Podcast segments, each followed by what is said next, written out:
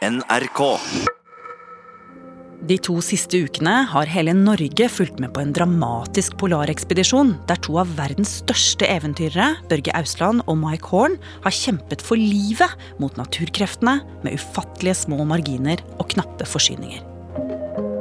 Men hva var målet med turen? Og var de egentlig noen gang i livsfare?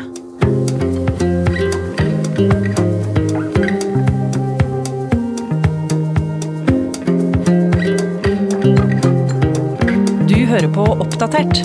Jeg heter Ragna Nordenborg. Jeg kalles gjerne alle ekspedisjoners store mor, for jeg bekymrer gjerne mer enn mødrene til disse gutta. Lars Ebbesen har selv vært på mange lange turer. Men denne gangen skal han lede ekspedisjonen fra land, mens Børge og Mike er ute på isen. Poenget var å gjøre en kryssing av Polhavet, eller isen i Polhavet. Krysset på en måte som hadde liksom et historisk sus. Altså litt sånn som Nansen og Amundsen. Komme med båt, gå på båt. Men det var ett poeng til. De ville også sette fokus på klimaendringene som er spesielt synlige i Polhavet. Det vi har der oppe, det er et landskap og et eventyr og en verden som kun fins i Polhavet. Det driver rundt. Du er aldri i det samme landskapet en eneste time. Du går på to centimeter is, du går på tre meter is. Det er en evig kamp, og når du opplever det greiene der, så blir du bare helt bergtatt. Og når du vet at eh, Polhavet og polisen er i ferd med å forsvinne sakte, men sikkert, så er det klart at man ønsker å gjøre, gjøre en forskjell på det. Så planen var å vise fram issmeltingen på nært hold.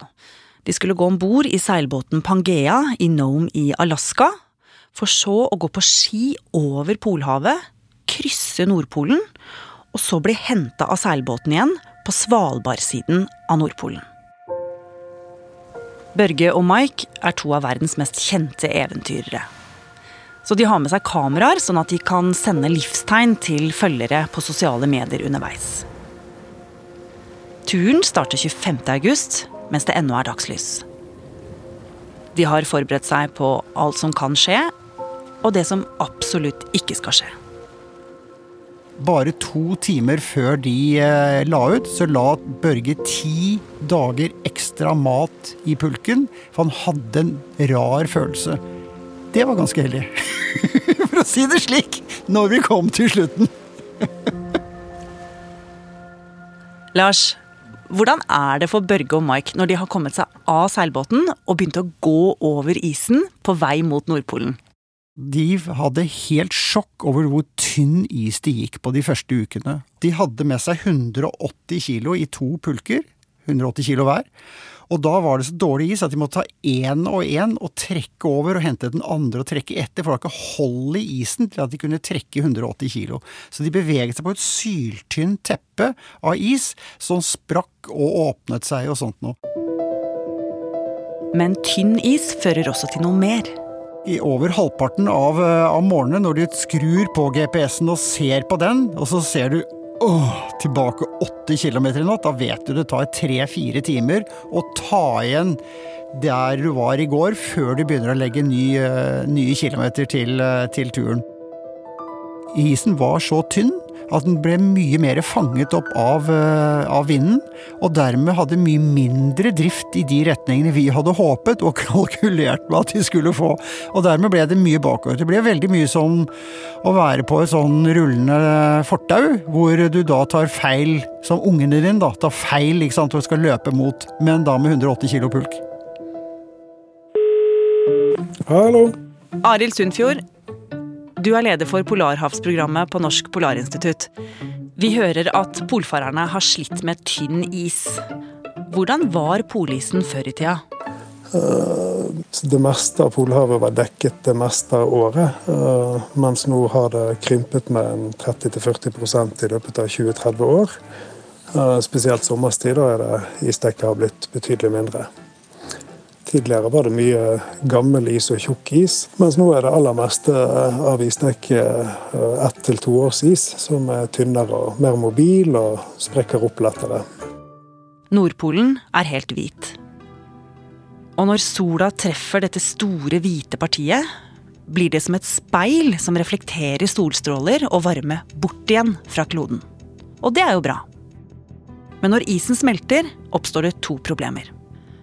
Det lokale problemet er at det blir mindre alger og plankton. Og når alger og plankton forsvinner, forsvinner også dyrelivet. Som fisk, sel og isbjørn. Så til det andre problemet. Når speilet av is forsvinner, går varmen fra sola ned i havet. Og det fører til global oppvarming. Ja. Ekstra varme som tas opp i Polhavet, vil over tid ende opp i resten av verdenshavene og i atmosfæren andre steder. Og når det smelter i nord, fører det til mer ustabilt vær med monsuner, tørke og oversvømmelser over hele kloden, sier forskerne. Men la oss vende tilbake til Børge og Mike. Det jeg merker som sitter hjemme, det er fra at det går på sånn Hei, du, det går fint. Så er det sånn Hvordan er været? Hvordan blir det? Hvor er driften? Hva er vinden? Hva er temperaturen? Alt blir mer og mer enstavelsesord. Det blir kortere og kortere, og jeg bare hører at de går inn i denne bobla si hvor alt bare er fokus for å få fremdrift, for å overleve, for å ikke gjøre feil. Og hvis de har hatt et hell med at de falt i en råk eller plumpet, så er det sånn øh, Ja, jeg plumpa i dag. Øh, gikk fint. En råk er en stor sprekk i isen som gjør at havet kommer til syne. Det er helt ned på det minimale, og da kjenner jeg bare at da er de gutta helt superfokus. Så det eneste vi egentlig har fått av glimt inn, det er at jeg har en sånn uh, answering-maskin som de kan ringe til, og da sender den meg en lydfil. Og da har vi fått de der uh, lydfilene fra Børge. Da går han litt ut av blås, og sier han sånn Hallo, ja. Det er Børge fra teltet igjen. Nå er vi på dag 83 som nettopp er ferdig for oss. Eh, vi har gått en lang dag i dag òg.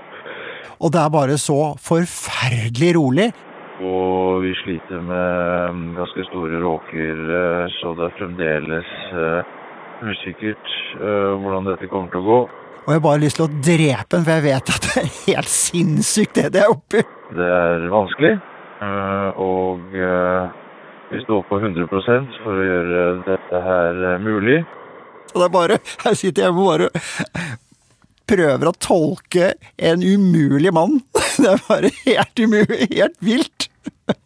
Uh, kjemper mot vær og, og råker, og hver kilometer er en kamp. Men uh, vi, vi står.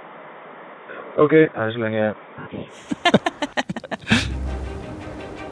OK. Hvert steg er potensielt farlig pga. den tynne isen. Men det er mer. De begynner å frykte at turen tar så lang tid at de kan gå tomme for mat. Da bestemmer de seg for å iverksette plan B. Seilbåten Pangea, som skal hente dem, byttes ut med polarskuta Lanse. På skuta er polfarerne Alexander Gamme og Bengt Rotmo. De blir sendt ut for å gå Børge og Mike i møte med mat. Og det er her mediene begynner å bry seg. VG går om bord i Lanse og følger reisen tett.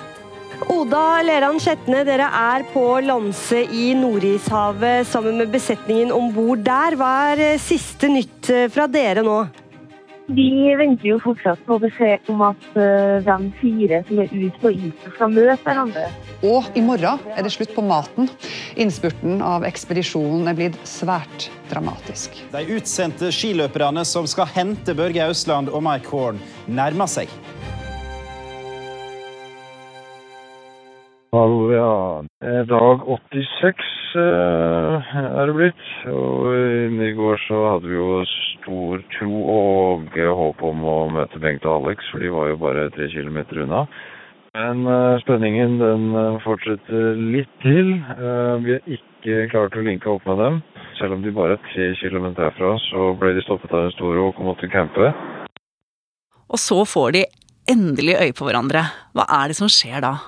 Ja, da, de kommer da til råket står på hver sin side av en åpen råk med vann øh, og hoier, og Alex full av glede begynner da å kaste sjokoladebiter over råken, omtrent som en zoologisk hage. Eh, det han ikke visste, det var to ting. Det var at den råken den var 600 meter bred. Det var litt vanskelig å bedømme i mørket. Jeg tror ikke han kom over.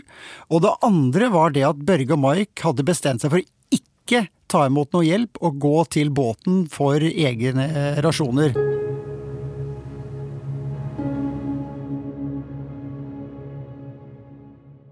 Men Lars, jeg har jo skjønt at det er veldig farlig å gå over en polis.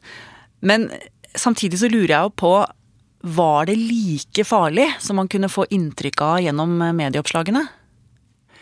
Vi føler at vi fortalte en rimelig riktig historie, eh, og vi følte kanskje at den ble dratt ut av proporsjoner, fordi det ofte ble flere ledd i, i dette her. Hva er det som eventuelt er overdrevet? Det er kanskje det at alt var en redning, og at det var nød, og at det var uthenting og evakuering og sånt noe. Vi har ikke sett det på som verken nød, redning eller utvelg. Vi har ikke sett på Bengt og Alexander som redningsmenn. Litt av det som vi, og særlig Børge, også har som et mantra, er at du skal gjøre alt du kan for å stå på egne ben og klare det. Vi hadde jo aldri trodd at det skulle bli så mye oppmerksomhet rundt at det egentlig gikk kjempebra er det litt rart å dra på tur for å vise klimaendringene, og så leie en båt som bruker seks tonn olje i døgnet? Uff. Nei, det, det, er det ikke eh, i det hele tatt, og vi skulle fryktelig gjerne vært uten, uten det. Men la oss være helt ærlige, Lars. Har dere egentlig fått vist fram klimaendringene på denne turen? Dette er ikke noe sånn at uh, vi har fått vist frem her og nå. Uh, vi hadde aldri trodd at det skulle være nesten med presseoppslag før han kanskje kom frem til båten. Sånn ble det ikke. Og vi har ikke på noen måte fått vist eller satt fokus på, på klimaendringene så langt. Dette er noe som skal brukes i lang tid, på en måte som vi håper inspirerer og motiverer, og sammen med det setter det inn i et helhetsbilde som kanskje hjelper litt i klimabiten.